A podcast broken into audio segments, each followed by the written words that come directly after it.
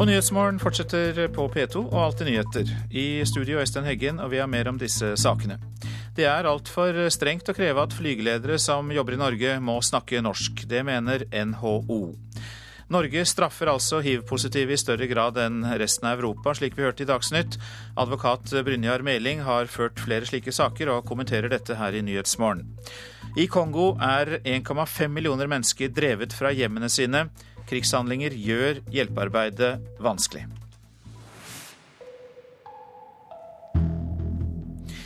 Det er eh, helt unødvendig å kreve at flygeledere som jobber i Norge må snakke norsk. Det sier direktør i NHO luftfart, Torbjørn Lote. Han mener de store forsinkelsene i flytrafikken i sommer kunne vært unngått dersom språkkravet hadde blitt fjernet. Min oppfatning er jo dagens regler eh, med hensyn til språk er altfor strenge. Eh, vi har tre flykontrollsentraler i Norge med mange flygeledere. Eh, som alle må snakke norsk. Det er helt unødvendig når de stort sett skal styre internasjonal kommersiell flytrafikk som går over Norge. Uh,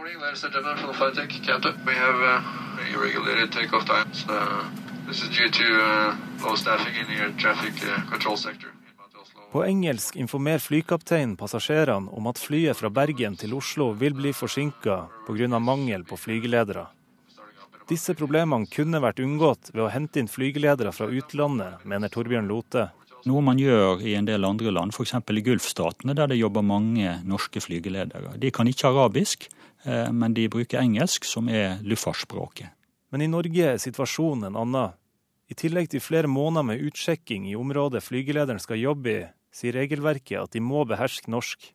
Det er nok øh, kanskje for strengt i dag sier spesialrådgiver Geir Ingebretsen i Luftfartstilsynet, som har ansvaret for å tilpasse regelverket for sivil luftfart. Det er alltid fint å få eh, innspill på å forbedre eh, tjenesten. Og det er klart det at, eh, at utenlandske flygeledere, hvis man legger til rette for det, så vil det være muligheter for at de kan få jobb i Norge. Men å myke opp språkkravet kan ta tid, ifølge Ingebretsen. Annet må i så fall hele regelverket endres til engelsk. Og, og altså Departementet, eller kanskje på regjeringsnivå, så, så, må det bestemmes om man eh, har anledning til å frafalle kravet om, om norsk. Torbjørn Lote i NHO Luftfart mener det er på høy tid med endringer av regelverket. Ja, De er både umoderne og til dels proteksjonistiske, og de bidrar til at vi skyter oss sjøl litt i foten ved at vi får driftsproblemer når et fåtall norske flygeledere er ute av drift, enten i ferie eller i sykdom eller hva det måtte være. Sånn kan vi ikke ha det. Reporter Ole Marius Rørstad. Bård eh, Hoksrud, du eh, er med oss på Skype. Du er andre nestleder i Stortingets transport- og kommunikasjonskomité fra Fremskrittspartiet. Hvorfor har vi et slikt eh, regelverk at flygelederne må kunne snakke et nordisk språk? Jeg tror nok at det er noe som henger igjen fra gammelt av. og det er klart at uh, Luftfarta den er internasjonalt, og engelsk det er arbeidsspråket. Så det vil være helt naturlig at det er det språket som flygelederne også må kunne. Og som sagt, sitter, Mange sitter i en kontrollsentral, og der prater man bare engelsk. Uh, jeg ser at noe kanskje handler om at på tårnet, altså de som sitter i flytårnet, at de skal kunne kommunisere hvis det skjer noe på bakken. Så er det jo greit å kunne kommunisere med, med redningsmannskaper og sånn, men det tror jeg ikke er noe problem i dag. Uh, de aller fleste behersker engelsk og forstår godt engelsk. Så jeg tror at det, dette er et gammelt krav, og det er litt sånn at regelverket har ligget litt sånn i skuffen. og Det har vært sånn i alle år, men det er på høy tid å se på hele regelverket og endre det igjen. Hva har du tenkt å gjøre med dette?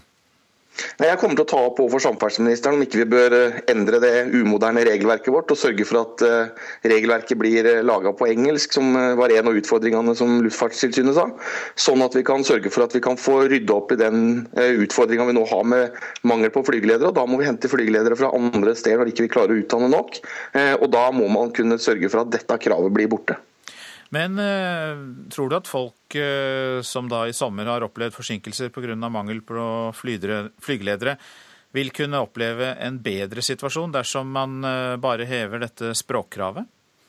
Ja, absolutt. fordi det gjør at det er mange flygeledere ute i Europa som helt sikkert gjerne ville jobba i Norge. De har ikke muligheten fordi de ikke forstår verken norsk eller andre nordiske språk. og Dermed så er de ekskludert fra å kunne jobbe som flygeledere i Norge. Så her, hvis man endrer regelverket, og det tror jeg man kan gjøre fort hvis det bare er politisk vilje til det, og det er der jeg vil utfordre samferdselsministeren. fordi eh, da kan vi rydde opp i dette, og så kan man sørge for at eh, flypassasjerene kommer fram i tide, og at eh, det er nok flygeledere på jobb. Men du nevnte jo selv dette med kommunikasjon med redningsmannskaper, som kanskje bare kan skje på norsk i en krisesituasjon. Så man kan jo også tenke seg at engelsk går greit i nesten alle situasjoner, men så kommer man til en kritisk situasjon, og da kunne det være greit å ha norsk. Jo, men jeg tror uansett at de klarer å kommunisere veldig godt med redningsmannskaper. Det finnes folk der som kan godt engelsk. Og så er det jo på mange måter sånn at når det har skjedd noe, så er det redningsmannskapene og politiet og, og nødetaten som skal gjøre jobben. Og Derfor er jeg overbevist om at de klarer å kommunisere veldig godt uh, i forhold til å gjøre den jobben de skal. Uh, og Derfor ser jeg ikke det store behovet. Det kunne kanskje være at som et krav da, for å, å være sikker på at ikke det skal bli noe problem, at i flytårnet at det kanskje er én på jobb av flygelederne som kan f.eks. nordisk, men det betyr fortsatt at det vil være mange muligheter for å kunne hente eh, flygeledere ut i Europa eller andre steder i verden som kan gjøre en kjempegod jobb og sikre at eh, folk som skal til og fra ferie eller til og fra jobb, at de faktisk kommer dit de skal til den tida de skal fordi flyet er der, og fordi det er nok flygeledere. Takk til deg, Bård Hoksrud. Du er da andre nestleder i Stortingets transport- og kommunikasjonskomité fra Fremskrittspartiet. Norge og Sverige straffer hiv-positive i langt større grad enn andre europeiske land. I Norge kan hiv-positive bli anmeldt av sexpartneren både for å ha utsatt dem for smittefare og for å ha smittet dem. Og det kan skje selv om den hiv-positive har opplyst partneren om smittefaren. Skandinavia er det området i Europa der flest blir dømt for dette. Det sier jusprofessor Matthew White ved Burbeck College i London. Han har forsket på hiv og kriminalisering. Scandinavian and Nordic countries have the lowest HIV prevalence, but they have the highest rates of convictions for HIV-related offences. Tiltaleutformingen, eh, strengt tatt, hvis du vil ha den, er for å ha forsettlig og ha utsatt en annen for fare for å bli smittet. Hiv-positive Louis Guy ble meldt til politiet av en ekskjæreste. Saka skal opp i høst, selv om ekskjæresten ville trekke den. Til sammen har det vært ført mellom 20 og 30 saker i norsk rett. Han tror grunnen til at lovene blir praktisert såpass strengt, er at staten ser på det som en del av det forebyggende hivarbeidet. Vi har nok tradisjonelt i Norge en stor tro på at eh, staten skal beskytte oss. Vi har lite fokus i Norge på at vår egen helse, spesielt da når det kommer til hiv, faktisk er et individuelt ansvar. Men strenge lover forebygger ikke hiv-smitte, viser forskninga til Waite. Det gjør tvert om det hiv-forebyggende arbeidet vanskeligere ved at bl.a. færre tør å teste seg. Hiv Norge har kontakt med både de som vurderer å melde hiv-positive til politiet, og de som blir melde. Generalsekretær Evje Einar Røe håper på en endring av norsk lov. Det skaper en veldig stor utrygghet eh, for veldig mange. Veldig mange opplever jo at dette begrenser deres eh, seksualliv i veldig stor grad. Eh, man er usikre på i hvilke situasjoner man kan risikere å bli straffeforfulgt. Og det er klart at det er, en, det er en uholdbar situasjon. Hvis man skal ha en kriminaliseringsbestemmelse, så må man i hvert fall vite hvor grensene faktisk går i forhold til når man risikerer straff. Professor Matthew Waite sier at praktisering av norsk lov er altfor streng. People living with HIV in those countries alle hiv-positive i Norge er potensielt kriminelle. Det fører til mer stigmatisering og virker ikke forebyggende. Derfor ser en nå at lova blir evaluert både i Norge og i Danmark.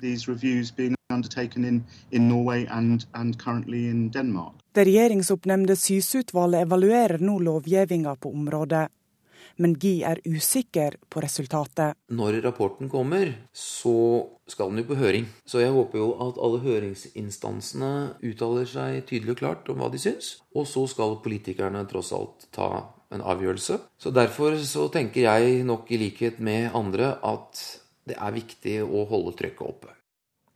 Og det var Tone Gullaksen som hadde laget denne reportasjen.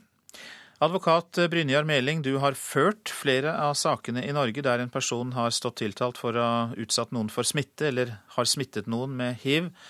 Og hva er det egentlig man kan straffes for etter straffelovens paragraf 155, som du finner urimelig?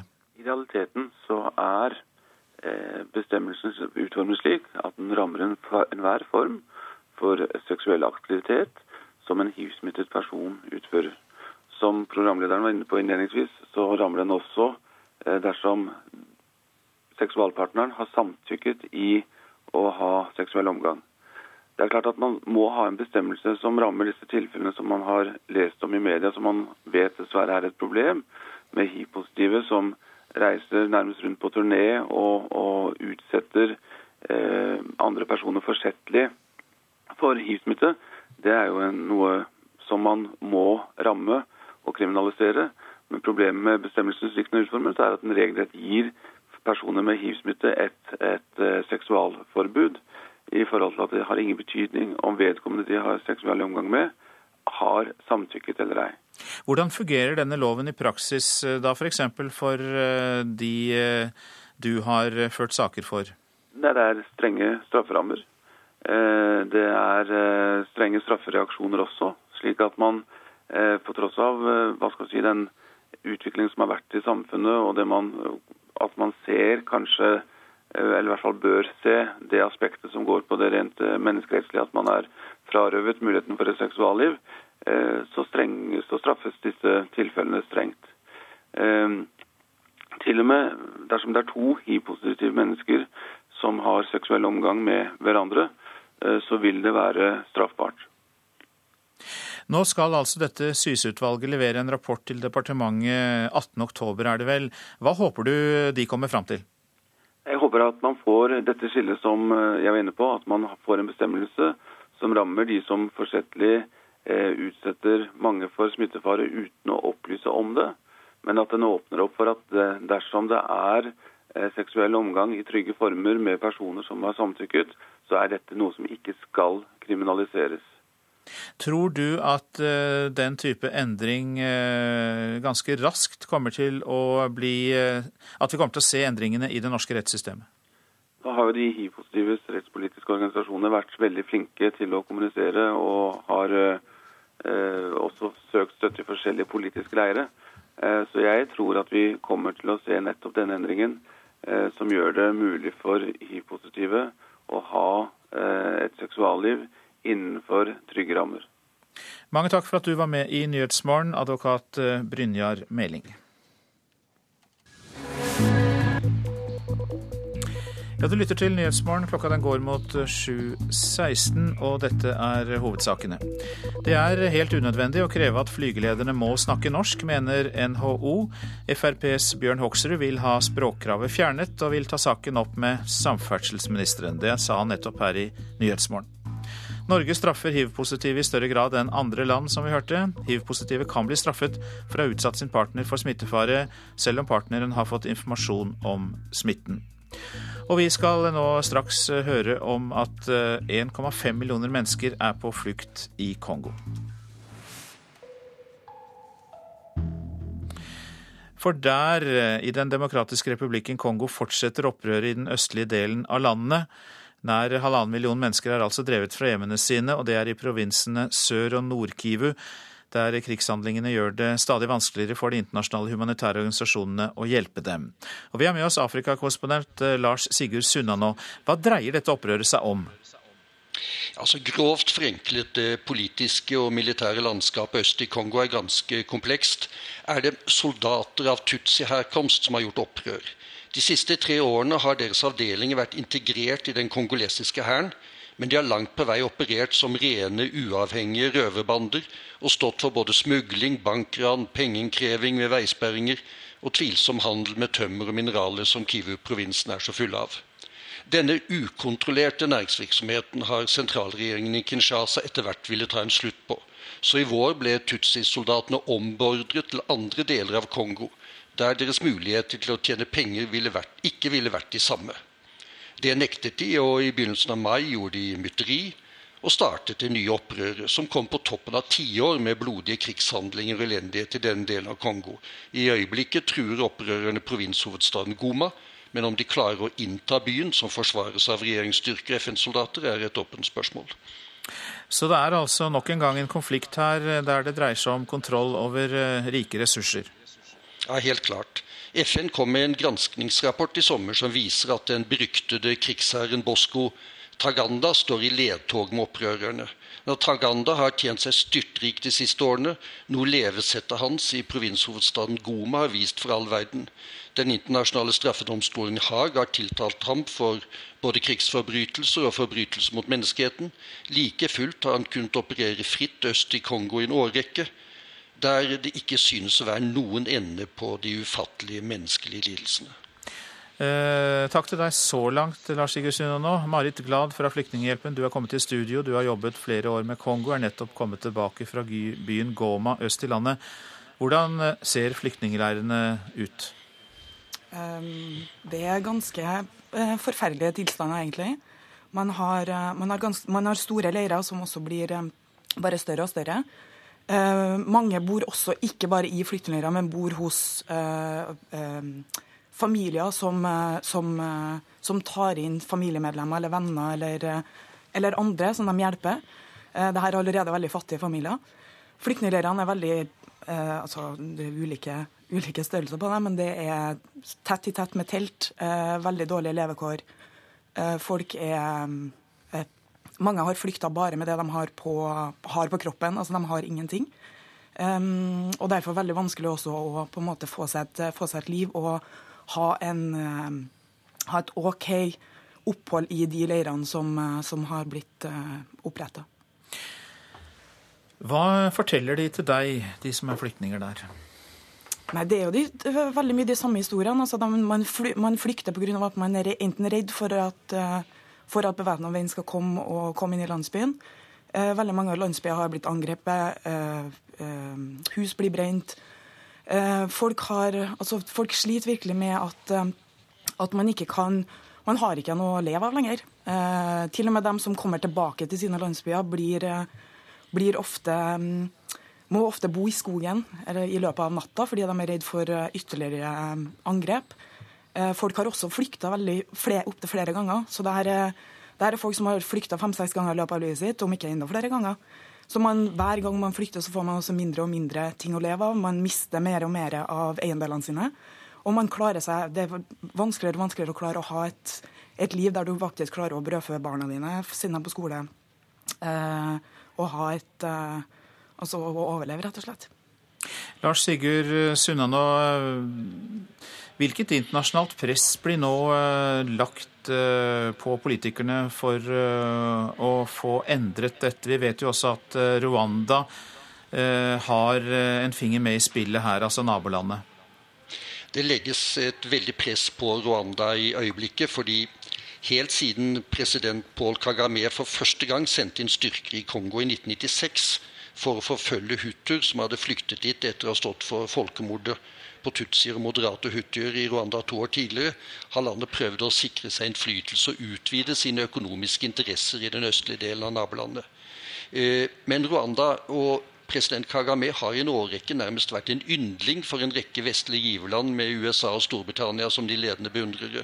Han har tross alt klart å få landet på beina igjen etter folkemordet, men denne gang synes Rwanda å ha strukket strikken for langt ved å gi støtte til opprørerne i, i øyeblikket, og det mener iallfall FN at Rwanda gjør. Så nå truer både USA, Storbritannia, Tyskland og Nederland med å trekke viktig bistand om ikke Kagame sørger for å få dempet opprøret på den andre siden av grensen. Og eh, Marit Glad, eh, til slutt til deg. Skal du tilbake til dette området? Eh, det håper jeg. jeg altså, det er, Kongo er et fantastisk vakkert land, og det er flotte folk der, så jeg håper virkelig at jeg får sjansen til å dra tilbake, men håper sannsynligvis at, at kan litt, uh, situasjonen kan være litt bedre. Hjertelig takk for at du kom i studio. Du jobber for Flyktninghjelpen, eh, Marit Glad. Og så var Lars Sigurd Sunnanå med oss, også vår Afrika-korrespondent. I India er nå strømmen kommet tilbake i områder som ble rammet av strømbrudd i går. Trafikkaos, mørklagte butikker og banker ute av drift var følgende av eh, da 600 millioner indiere ble rammet av strømbrudd. Regjeringen vil nå undersøke hvordan et slikt massivt strømbrudd kunne skje. I Tyrkia er meningene delte om regjeringens støtte til den syriske opprørshæren. Tyrkerne ønsker å hjelpe naboene, men de er urolige over at krigen i nabolaget rammer økonomien i Tyrkia. Reporter Sissel Wold har snakket med folk i byen Antakya, som ligger like ved grensen. Vi ønsker fred og et godt forhold til Syria, som er et svært viktig land for oss som bor her i Antakya ved grensen. Vi liker ikke at folk blir drept, slår Jamil Yildiz fast. Han er redaktør i avisen Antakya Gazeta. Men han misliker sterkt at krigen i Syria får så store konsekvenser, også for Antakya. Vi er rammet økonomisk. Turistene kommer ikke hit lenger. Alt er bare blitt verre nå, sier redaktøren. I flere hundre år tilhørte alle her og i Syria det osmanske riket, og sammen ble de styrt fra Istanbul. Familiene ble delt da kolonimaktene splittet opp restene av Osmaneriket etter første verdenskrig. For et par år tilbake, på høyden av vennskapet mellom statsminister Erdogan og president al-Assad, fikk syrerne og tyrkerne krysse grensene uten visum. Syrere kom til Antakya for å handle og besøke venner og familie. På en av grenseovergangene treffer jeg Hisham Gunay, også han tyrkisk journalist. You know, bombs, uh, Syria, really we... Vi er veldig bekymret for slektningene våre på den andre siden, sier han. And we hope that it will uh, end soon because you know we are uh, Turkey. Vi er jo som ett land, så vi håper bare at krigen snart tar slutt, sier Gunay. Flere tyrkere sier til NRK at de er bekymret for at Tyrkia sakte trekkes inn i den syriske borgerkrigen. Regjeringen støtter den frie syriske hæren og lar den smugle inn våpen, lar sårede opprørssoldater få behandling her, og lar opposisjonsbevegelsen det nasjonale syriske rådet ha sitt hovedkvarter i Istanbul. Vi respekterer statsminister Erdogan og hans meninger. Når han har tatt en avgjørelse, ja, så tar han den på vegne av alle tyrkere. Men kanskje han kunne ha håndtert ting noe annerledes for å beholde freden her, sier Yildiz. Redaktøren antyder at ved å la den frie syriske hæren smugle våpen inn i Syria, forlenges krigen. Ja, den vil bare fortsette og fortsette. Tyrkia nyter en økonomisk vekst mange europeiske land kan misunne dem. Og de selvbevisste tyrkerne ønsker ikke å bli dratt ned av kaoset i Syria. Så skal vi her i Nyhetsmorgen si litt om avisene. I 2004 fikk færre enn 900 polakker og litauere barnetrygd fra Norge. Sju år etter er antallet vokst til over 17 000, kan vi lese i Aftenposten. Også kontantstøtten blir stadig mer populær blant arbeidstakere fra Øst-Europa, mens flere nordmenn takker nei. Frakter radioaktivt stoff fra Halden-reaktoren i rutefly, skriver Klassekampen. Miljøbevegelsen reagerer, men Statens strålevern at, sier at regelverket ikke forbyr slik frakt. OL er blitt en stygg sak, sier den britiske basketballegenden John Alma til Vårt Land. Han sier at OL er blitt et kommersielt monster. OL-billetter beslaglagt på Gardermoen, skriver Dagens Næringsliv. 455 billetter var utstedt til olympiske komiteer i Øst-Europa, men ble forsøkt videresolgt i Norge, ifølge politiet. Tromsø-mann forsøkt vervet som russisk spion, er oppslaget i Nordlys. Mannen forteller om flere pågående vervingsforsøk. Etterretningseksperter sier at Russland er ute etter å verve både næringslivsledere og beslutningstakere i Norge. Jan Eggum jakter på lokaler til et musikkmuseum, skriver Bergensavisen. Eggum vil bruke sin egen samling av plater, magasiner, bøker og noter som basis for et popmuseum i Bergen. Flere forsikrer helsa, skriver Adresseavisen og forteller om eh, Jørn Brånås, som fikk diagnosen forkammerflimmer. Med eh, forsikring tok det bare et halvt år før operasjonen var eh, gjennomført, men i det offentlige hadde ventetiden blitt to år. Bare én av ti fritidsbåter har nødradio, får vi vite i Stavanger Aftenblad. Rogaland Radio kaller det en risikosport bare å stole på mobiltelefon. Forbud mot å gi private utbyggere rett til å kjøpe dyrket mark med tanke på utbygging i framtida. Ja, det krever landbruksdirektør Tore Bjørkli i Sør-Trøndelag i Nasjonen i dag. Han krever konsesjon på slike opsjonsavtaler, men møter motstand fra grunneiere. Bjørn Dæhlie er i vinden, er oppslaget i Finansavisen. Den tidligere skikongen kan trolig innkassere flere hundre millioner kroner etter investeringer i tidenes største vindmølleprosjekt i Sverige. Og VG tipser oss om billige og bra ferieturer i norske byer, mens Dagbladet skriver om feriekupp i Syden.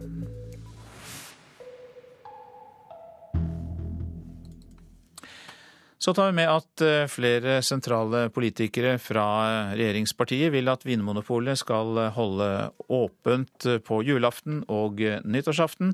Det skriver Dagens Næringsliv. Blant de som vil ha åpne pol, er Lars Peder Brekk og Marit Arnstad fra Senterpartiet, SV-leder Audun Lysbakken og partisekretær i Arbeiderpartiet Raymond Johansen. Du lytter til eh, Nyhetsmorgen på NRK P2 og eh, Alltid eh, nyheter. Produsent er Elin Pettersen, teknisk ansvarlig Espen Hansen. Her i studio Øystein Heggen. Og vi tar også med at det etter Dagsnytt blir en språkdebatt. For endringene som Språkrådet gjennomfører fra og med i dag for nynorsken, blir ikke tatt like godt imot av alle målfolk. Utviklingsfondet frykter at eh, spekulanter skal drive opp matprisene enda mer, og at det kan gå utover verdens fattige. Det får vi altså mer om etter Dagsnytt.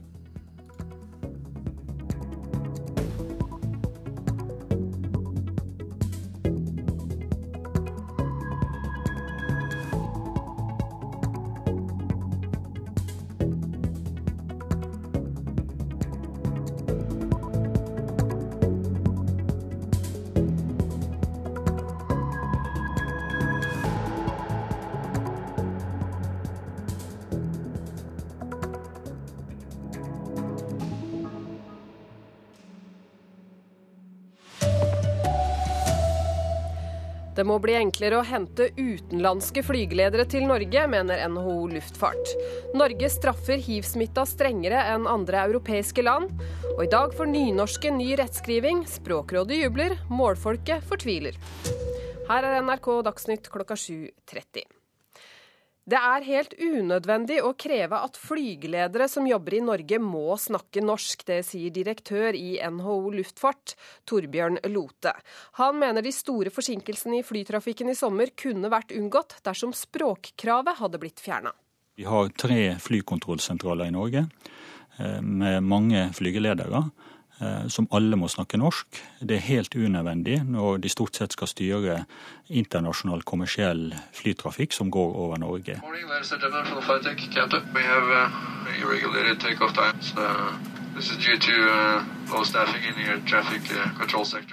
På engelsk informerer flykapteinen om at flyet fra Bergen til Oslo vil bli forsinka pga. mangel på flygeledere. Disse problemene kunne enkelt vært unngått ved å hente inn flygeledere fra utlandet, mener Torbjørn Lote. Noe man gjør i en del andre land, f.eks. i Gulfstatene, der det jobber mange norske flygeledere. De kan ikke arabisk, eh, men de bruker engelsk, som er luftfartsspråket. Men i Norge er situasjonen en annen. I tillegg til flere måneder med utsjekking i området flygelederen skal jobbe i, sier regelverket at de må beherske norsk. Det er nok øh, kanskje for strengt i dag sier spesialrådgiver Geir Ingebretsen i Luftfartstilsynet, som har ansvaret for å tilpasse regelverket for sivil luftfart. Og det er klart det at, eh, at eh, utenlandske flygeledere, hvis man legger til rette for det, så vil det være muligheter for at de kan få jobb i Norge. Men det betyr at alt regelverk må være på engelsk. Det blir i så fall opp til myndighetene å bestemme. Torbjørn Lote i NHO Luftfart mener det er på høy tid med endringer.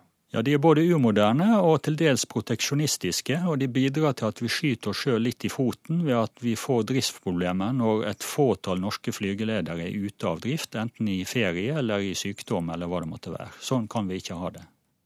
Reporter Ole Marius Rørstad. Norge og Sverige straffer hiv-positive i langt større grad enn andre europeiske land. I Norge kan hiv-positive bli anmeldt av sexpartnere både for å ha utsatt dem for smittefare og for å ha smitta dem, og det kan skje selv om den hiv-positive har opplyst om smittefaren.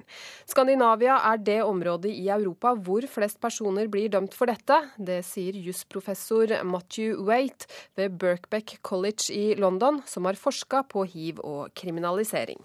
Scandinavian and Nordic countries have the lowest HIV prevalence, but they have the highest rates of convictions for HIV-related offences. Tiltaleutformingen, eh, strengt tatt, hvis du vil ha den, er for å ha forsettlig og ha utsatt en annen for fare for å bli smittet. Hiv-positive Louis Guy ble meldt til politiet av en ekskjæreste. Saka skal opp i høst, selv om ekskjæresten ville trekke den. Til sammen har det vært ført mellom 20 og 30 saker i norsk rett. Han tror grunnen til at lovene blir praktisert såpass strengt, er at staten ser på det som en del av det forebyggende hivarbeidet. Vi har nok tradisjonelt i Norge en stor tro på at eh, staten skal beskytte oss.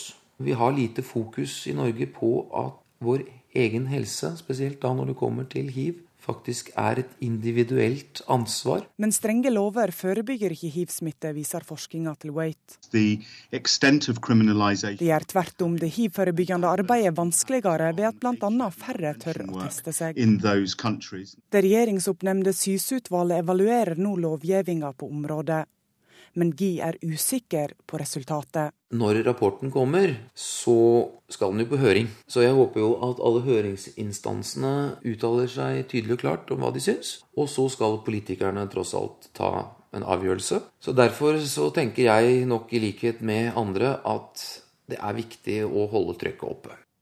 Reporter Tone Gullaksen. Det radioaktive stoffet plutonium blir frakta ut av Norge med vanlig rutefly, det skriver Klassekampen. Plutonium er regna som svært kreftfremkallende, og stoffet blir brukt til forskning ved Halden-reaktoren. Institutt for energiteknikk Halden bekrefter at de av og til sender plutonium med rutefly, men at de følger internasjonale sikkerhetsregler. Bellona mener dette er svært farlig, siden konsekvensene ved ei ulykke kan være store. Barn som er i fare for å bli ofre for menneskehandel, kan fra nå av sperres inne på barnevernsinstitusjon. Den nye loven skal beskytte barna mot kontakt med bakmenn fra miljøet. Barn skal beskyttes mot menneskehandel, og derfor så kommer det nå en lovendring som gir mulighet for bedre beskyttelse for de barna som trenger det aller mest sier direktør i Barne-, ungdoms- og familiedirektoratet, Mari Tromald. Den nye lovendringen åpner for at barnevernet kan begrense friheten til barn som er i fare for å bli ofre for menneskehandel. Det kan handle om å beskytte barn mot telefonkontakt, mot besøk eller mot internettkontakt. Men det kan også handle om å sperre barnet inne på institusjonen mot barnets vilje. Av og til vet ikke ungdommer og barn sitt beste. Det sier Heini Ringel, mottaksleder for Hvalstad transittmottak i Asker utenfor Oslo. Han har sett flere barn som vender tilbake til miljøet etter at barna har blitt fanget opp av norske myndigheter. Det kan være at eh, den egne familien er truet i hjemlandet, og at eh, det er utpressing i bildet osv., hvor, hvor barna da føler, eller ungdommene føler at eh, ja, dette er noe som de nå nesten er forpliktet til å være med på. I fjor ble det oppdaga 39 barn som var ofre for menneskehandel i Norge. Reportere var Jannike Møller Andersen og Elida Høek. I dag blir de største endringene i nynorsk på over 50 år satt i verk. I den nye rettskrivinga er det slutt på alle sideformer, lite brukte ord går ut, og bøyningssystemene strammes inn. Språkrådet mener nynorsken blir enklere å lære, men målfolket er uenig. Hva er nynorsk bokmål? Jeg er veldig usikker, da. Mm, kanskje den øverste. Det er ikke alltid lett å skilje nynorsk fra bokmål. Han tar ei økt. Og når den nye rettskrivinga for nynorsk trer i kraft i dag, frykter målfolk i Hordaland at det skal bli verre. For reformer som skal gjøre nynorsken lettere, tydeligere og strammere, opplever de gjør det stikk motsatte. Utydelig, det var komplekst, bokmålsnært og slakt. Sier leder i Ullensvang Mållag, Erlend Trones. For fra og med i dag er det slutt på klammeformene i nynorsk. Mindre brukte ord og bøyingsendinger går ut, mens en fritt kan velge mellom resten. Vi vet altså ned bokmålet at uh, den jevne nynorskbrukeren ikke lenger se vitsen med å ha to eh, rettskrivingssystemer i Norge. Men i Østfold mener Mållaget på si side at den nye rettskrivinga helst skulle vært enda mer bokmålsnær for å ligge nærere talemålet deres. Den nynorsken vi bruker må være praktisk, må kunne brukes uh, som et hverdagsspråk. Sier Magne Aasbrenn. Og det er om å gjøre at det ikke blir for mye bunad og for høy eh, sylfest-strutlefaktor. Helt enig om alle detaljer blir en aldri. Men styreleder i Språkrådet, Ottar Grepstad, mener det viktigste med hele reforma er at hun i det hele ble vedtatt. Her ble det viktig at det faktisk viste seg å være mulig å få semje om en rettskriving. Det har ikke vært tilfellet for nynorsken på mange tiår. Og det blir nynorsk debatt i Nyhetsmorgen på P2 klokka 7.45. Reporter Hanne Marie Molde. I dag spiller de norske håndballjentene mot Sør-Korea i OL. Så langt i OL har Norge vært gode i forsvar, men de sliter i angrep. Men verken spillerne eller landslagstrener Torir Hergersson får ødelagt nattsøvnen av den grunn. Vi har ikke tenkt å endre noen strategi og bruke himla masse tid på å diskutere noen angrep som, som ikke går i mål. Det sier landslagstrener Tori Hergeirsson, som måtte se at laget slurva mye de siste ti minuttene i kampen mot Sverige. Det etablerte angrepet er fortsatt litt rustent, og til tross for seier ser Hergeirsson at alt fortsatt ikke er på plass for Norge. For Det handler egentlig mer om å gjøre detaljene mer nøyaktig på slutten. Nesa mot mål, bredde i starten av angrepsavtalene, og vente med avslutt til vi har fått bearbeida godt nok. Det kladder litt, men eh, vi er, vi er på gang. Og, og, vi trener bra og snakker og ser på video sammen, så det blir bedre og bedre. Det sier Kristine Lunde Borgersen. Både hun og landslagstreneren mener feilene fra de to første kampene skal kunne rettes opp kamp for kamp framover. Dagens motstander Sør-Korea leder gruppa med fire poeng. For å komme likt er kun seier godt nok for Norge i dag. Tonje Nøstvold mener det gjelder å finne tilbake til lagets grunnprinsipper for å få angrepsspillet til å løsne. Nei, altså det, Vi har det jo egentlig i blodet, så gjelder bare å komme på riktige timinger. Så det er ikke så mye som skal til. Norge-Sør-Korea hører du på P1 klokka 10.30. Reporter Vibeke Unnhjem. Ansvarlig for denne sendinga var Ane Gjørem, teknisk ansvarlig Espen Hansen. Her i studio Kari Bekken Larsen.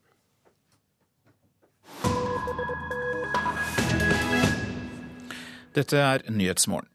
Påtalemakten i Tyskland vil om kort tid ta ut tiltale mot en nynazistisk gruppe som de siste årene har myrdet ni innvandrere. Det skriver tyske aviser.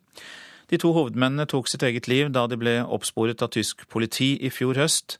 Drapsserien har vakt enorm oppsikt i Tyskland og har ført til hard kritikk av justismyndighetene og politiet. Arnt Stefansen har laget denne reportasjen. En nynazistisk rockelåt står sentralt i historien om de såkalte kebabmordene.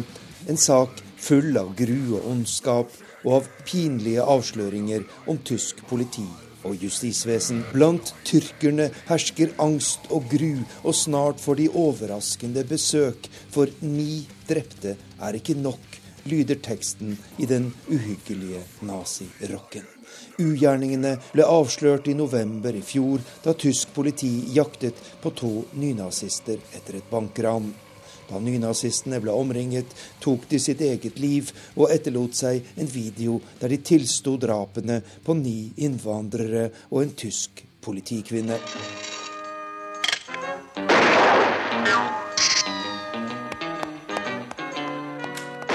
NRK fikk tilgang til den bisarre videoen der den nynazistiske helten er, av alle ting, den rosa panter som reiser rundt i Tyskland og dreper innvandrere, de fleste av dem eiere av kebabsjapper.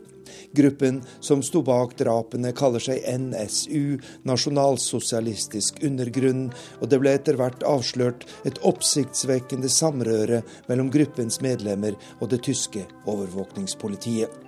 Den fremste kritikeren av politiets arbeid var Bernt Wagner, den kanskje fremste eksperten på de høyreekstreme miljøene i Tyskland. Vor allen Dingen äh, deswegen, weil sie so lange und staatlich von den Sicherheitsbehörden ungestört dies vollziehen konnten.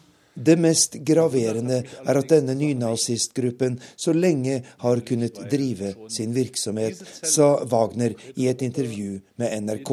Gruppen har vært kjent av myndighetene helt siden 1990-tallet, og jeg har i mange år advart mot gruppen og spådd at vi før eller senere ville oppleve terror og drap. Men disse advarslene er ikke blitt tatt på alvor av overvåkningstjenesten, sa Bernt Wagner i intervjuet i fjor høst høst. Siden da har det pågått en omfattende etterforskning og gransking av de tyske sikkerhetsmyndighetenes arbeidsmetoder, og det er enighet om en omorganisering av disse tjenestene. Men Bernt Wagner er ikke imponert. Han sier nå at tysk overvåkning har lært lite av skandalen med kebabmordene. Also das Problem liegt eigentlich darin, dass äh, man an an tradisjonellen gjerne festhält. Det største problemet er at politifolkene som jobber i disse miljøene, er for fastlåst i gamle måter å tenke på. Fortsatt anses nynazisme som noe som ressurssvake ungdommer driver med. Men i virkeligheten arbeider disse gruppene stadig mer langsiktig og strategisk. Helt siden den tyske gjenforeningen er problemene rundt høyreekstremisme blitt undervurdert, og selv en så stor og alvorlig sak som denne synes ikke å endre på dette, sier nynazismeeksperten Bernt Wagner, som frykter at det bare er et tidsspørsmål før en ny slik skandale dukker opp.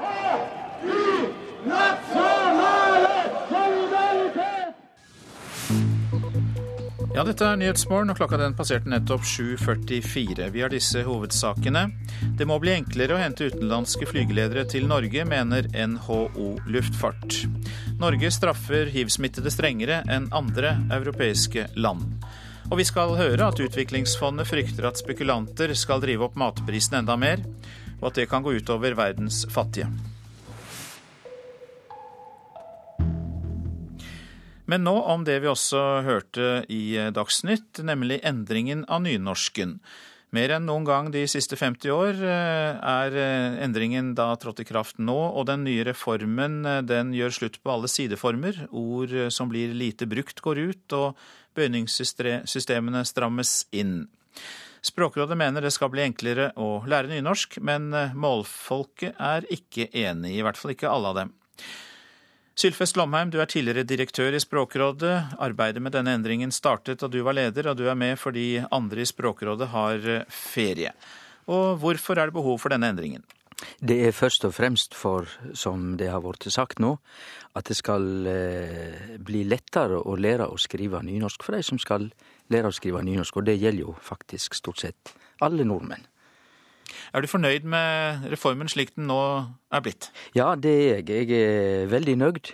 Det er jo klart at eh, det er mange syn på hva som er rett skrivemåte av ordet norsk. Det gjelder både bokmål og nynorsk. Så det å tro at en ikke skulle få noen debatt når han gjør endringer i rettskrivingssystemet, det er, jo, det er jo ingen som tror det.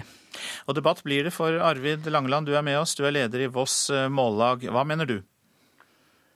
Ja, Den nye nynorsknormen skulle eh, vette en tydelig, enkel og stram eh, norm, men det er dessverre ikke oppfylt. I stedet har vi fått en nynorsk som er åpna for en stor tilnærming til bokmål. Til dømes vil han nå kunne skrive 'Han liker å svømme', jamsides med 'Han liker å svømme'. Dette er en normoppløsning og eh, til dømes ordet 'fylja' vil han kunne skrive på seks forskjellige måter. Dette vil være lage et kaos i stedet for å lage en tydelig og enkel norm. Men på den annen side så er jo former som noe og mye tatt ut, og det er vel et steg i riktig retning bort fra bokmålet? Ja, eh, det er vel og bra. Men eh, ei svale gjør ingen sommer, heter det. Og det som er hoved Eh, retningen her, det er at det er en stor tilnærming, eller mulig med en stor tilnærming til bokmål. Ja, Lomheim, en for stor tilnærming til eh, bokmålet, og da eh, blir det jo snart ikke noe forskjell mellom, disse, mellom nynorsk og bokmål? Nei, til det er det å si at det kommer an på augo som ser det. Det er ikke noe tilnærming til bokmål i dette. Det er veldig lett å tilbakevise det som nettopp var sagt, fordi at Nå er det bare rett å skrive vanlig. Før så kunne elevene skrive både vanlig og vanlig. Og nå er det bare mogel å skrive mogelig. Før var det også mogel å skrive mulig.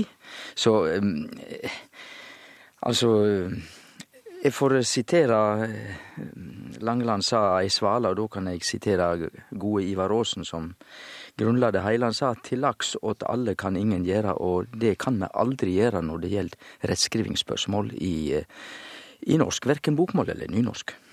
Dere kan være enige om Aasen-sitatene, men Arvid Langeland, du er vel også sterkt kritisk til at i-former går ut?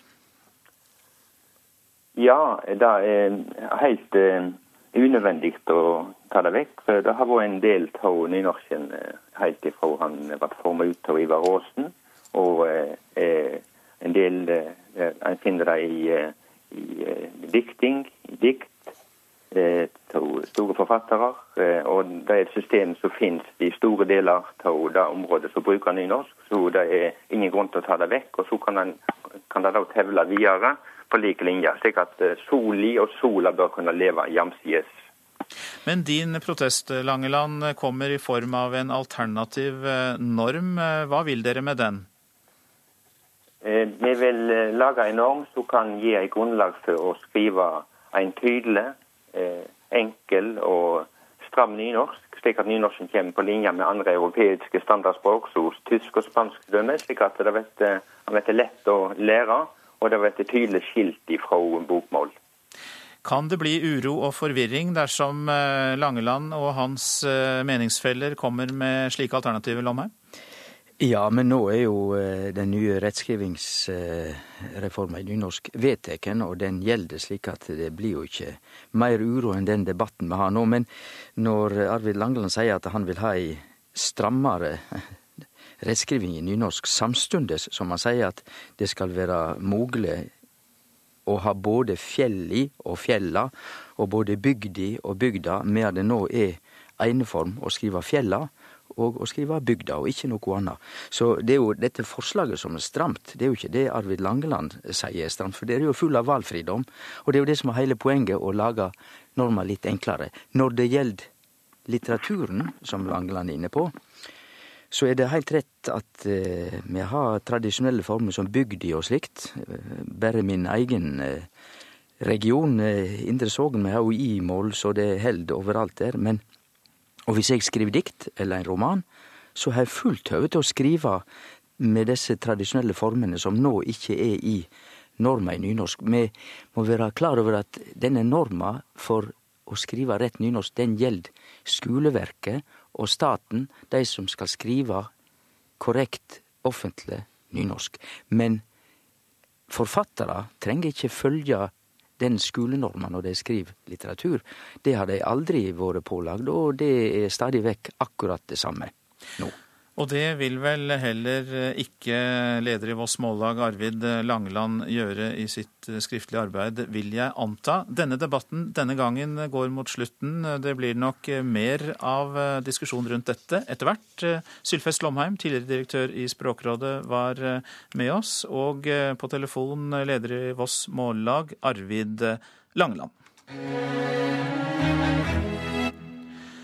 Nå til Utviklingsfondet, som frykter at spekulanter skal drive opp matprisene enda mer, og at det kan gå utover verdens fattige. Prisene på hvete, mais og soya har steget kraftig i sommer, men det er hovedsakelig pga. været, ikke pga. spekulanter, svarer investeringsdirektør Peter Warren.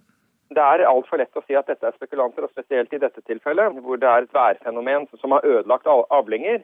og Dermed er det rett og slett mindre mais, det er mindre hvete og det er mindre soyabønner der ute. Som vi hørte i går, brunsvidde maisplanter gjør at denne bonden i delstaten Indiana så langt har mista halve avlinga si. I mean, no amount of rain is going to help that. I mean, once you see the brown leaves, um, and when the corn cannibalizes like that and rolls up, it's, it's gone. Den verste tørken på over 50 år i verdens største matprodusent USA er hovedgrunnen til at prisene på en rekke kornsorter er nær rekordhøye nivåer. Internasjonale organisasjoner er nå bekymra for at prisoppgangen skal gå utover de fattige, og Utviklingsfondet her hjemme frykter at spekulanter skal gjøre vondt verre. altså Det er bare å se på statistikk hvor mye større andel av totalkapital som er nå finanskapital som bare flyter rundt, og hvor lite som er knyttet til reelle verdier. Det er en spekulasjon der man ser at det er kortsiktige fortjenester. og Når prisene svinger, slik det gjør nå på matmarkedet, så er det et stort marked for spekulasjon eh, av folk som eh, kun er ute etter kortsiktig profitt. Sier Aksel Nærstad, politisk seniorrådgiver i Utviklingsfondet. Fondet mener markedene må tøyles, slik at bl.a. spekulantene ikke får for fritt spillerom. Slik at det er behov for både å øke nasjonal produksjon og eh, matvarelagre. Det er behov for å uh, stoppe en del av den eh, bruken av korn til drivstoff. Og det er behov for å begrense spekulasjon. Så her må det settes inn tiltak på en, en rekke områder. Sier Nærstad. Investeringsdirektør Peter Warren er enig i at enkelte begrensninger på matprisspekulasjon kan være på sin plass, men han mener likevel at spekulantene trengs. Man er helt avhengig av spekulanter i dette markedet. Fordi bønder som da skal selge av avlingene sine, altså hvis de har avlinger å selge i øyeblikket, så kan det være at det ikke finnes da vanlige, altså annet enn spekulanter som er villige til å kjøpe og lagre det hvis de syns prisene er lave osv. Men man må også huske på at, at bønder, kornsilooperatører og disse andre som er industrielle aktører i dette her på tilbudssiden, også driver med spekulasjon. Investeringsdirektør Peter Warren og reporter det var Linda Reinholdsen. Før eh, Mosvik og Inderøy i Nord-Trøndelag gikk sammen til én kommune tidligere i år, så var det fire år siden forrige kommunesammenslåing. Det er mange penger å spare på sammenslåinger, mener mange politikere. Likevel er det bare to kommuner som har blitt til én i løpet av det siste året. Folk på rådhuset i nye Inderøy opplever eh, sammenslåingen som riktig. ja da. Her er det god stemning? Ja visst er det. Nei, vi har vært igjennom det her. Så. Stemningen er overraskende god idet jeg ankommer rådhuset i Inderøy. Her møter jeg på nåværende rådmann i nye Inderøy kommune, Jon Arve Hollekim, og tidligere rådmann i Mosvik kommune, Lars Daling. Hollekim ble ansatt som rådmann under sammenslåingen tidligere i år, og det har gått knirkefritt, ifølge de to. Er dere gode venner, eller? Ja, det tror jeg, men uh, fra mitt ståsted så får du nå sjekke med Lars. Hvordan ser du på saken? Ja, jeg føler jo det. Jeg har ikke tenkt så hardt. Jo da, vi er veldig gode venner, så det går veldig bra. Samarbeid går veldig bra, i hvert fall. ja. Høsten 2009 kom Mosvik med en henvendelse til Inderøy om å slå seg sammen til én kommune. Det ble godt mottatt hos nabokommunen, og etter en folkeavstemning i Mosvik i mai 2010 sa 58% ja til at to ble til én. Et felles kommunestyrevedtak en måned senere bekreftet sammenslåingen fra 1.1 i år. Ordfører Ida Stuberg mener at innbyggernes involvering i prosessen har vært den viktigste årsaken til at det har blitt gjennomført. Denne nye kommunen har et slagord som heter 'best i lag'. Og det har vi opplevd at, eller jeg si, har opplevd at innbyggerne har levd opp til det, og vi ser at det brukes aktivt av lokale lag og foreninger og næringsdrivende òg nå. Det bygges mye i Inderøy. Rundt omkring ser man heisekraner og bygningskropper. Dette er ifølge ordføreren for å sikre befolkningsutvikling i den nye kommunen på en god måte. Men folket på gata merker ellers ikke så mye til at kommunene har slått seg sammen, forteller Per Anders Lyngstad fra Inderøya. Veldig lite. Det blir i hvert fall bedre for mange, tror jeg nok. Men er det sånn at folk fra Mosvika sier at de er fra Inderøy nå, eller? Nei, det tviler jeg på. Men eh, vi hører jo til samme kommunen. Ikke noe krangling, eller? Nei, nei, nei. Nei, vi er så fredelige, altså. Hvorfor tror du det er sånn, at folk går så godt overens? Nei, og samme miljø, samme lynne, kanskje. Vi hadde eh, dissens, alle grupper sprakk, uavhengig av, kom, av om man kom fra gamle Mosvik eller gamle Inderøy, da vi skulle velge kommuneblomster. Så med knapt flertall så ble det løvetann mot blåveis. Ordfører Ida Stuberg bekrefter at bortsett fra uenighet om kommuneblomster, har samarbeidet fungert bra så langt. Men hun sier at det er tidlig å komme med en konklusjon etter et halvt år. Hun er forsiktig med å komme med en anbefaling til andre kommuner om å slå seg sammen, og forklarer at bruk av tvang ikke er veien å gå. Det må jo eh, de politikerne og innbyggerne som bor og lever i de kommunene som tenker på det, vurdere. Men det jeg kan si er at vi har hatt positive erfaringer med med å gjennomgå denne prosessen og det det har ført med seg. Og det var eh, Patrick Honningsvåg som rapporterte om eh, harmonisk kommunesammenslåing. Så til et værvarsel for i dag. Fjell i Sør-Norge, stort sett opphold og perioder med sol. I kveld regn i sør. Østlandet får enkelte regnbyger i Hedmark, ellers til dels pent vær. Fra i ettermiddag tilskyende, seint i kveld blir det litt regn sør for Oslo. Telemark og Aust-Agder stort sett pent vær. Fra ettermiddag tilskyende og i kveld litt regn. Vest-Agder og Rogaland stort sett pent vær. I ettermiddag litt regn. Først kommer det i sør. Hordaland og Sogn og Fjordane delvis skyet, utrygt for enkelte regnbyger. I kveld litt regn i sør, opphold i nord.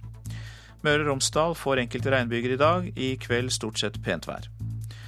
Trøndelag til dels uh, liten kuling. I ettermiddag minker det i sør. Enkelte regnbyger. I kveld oppholdsvær sør i Trøndelag. Nordland enkelte regnbyger. Først på dagen kan hende med torden i Salten og Ofoten. Fra i ettermiddag liten kuling på Helgelandskysten. Troms enkelte regnbyger, men også lange perioder med sol, spesielt i Nord-Troms. Fra i ettermiddag lokalt kraftige regnbyger, kan hende med torden. Vest-Finnmark med vidda, delvis skyet og stort sett opphold. I kveld lokalt kraftige regnbyger, kan hende med torden. Øst-Finnmark perioder med regn, lokalt lave tåkeskyer. Fra i ettermiddag stort sett oppholdsvær. Nordensjøland på Spitsbergen lettskyet vær, i kveld tilskyende. Temperaturer målt klokka sju. Svalbard sju, Kirkenes ni, Varde åtte, Alta 13, Tromsø og Bodø begge 11. Det hadde også Brønnøysund 11. Trondheim 12, Molde 13, Bergen og Stavanger 12, Kristiansand 13. Gardermoen og Lillehammer 11, Røros 8 og Oslo-Blindern hadde 13 grader klokka 7. Produsent for eh, Nyhetsmorgen det er Elin Pettersen. Teknisk ansvarlig Espen Hansen. Her i studio Øystein Heggen. Og vi minner om at Kulturnytt eh, sendes på P2 Alltid nyheter etter Dagsnytt.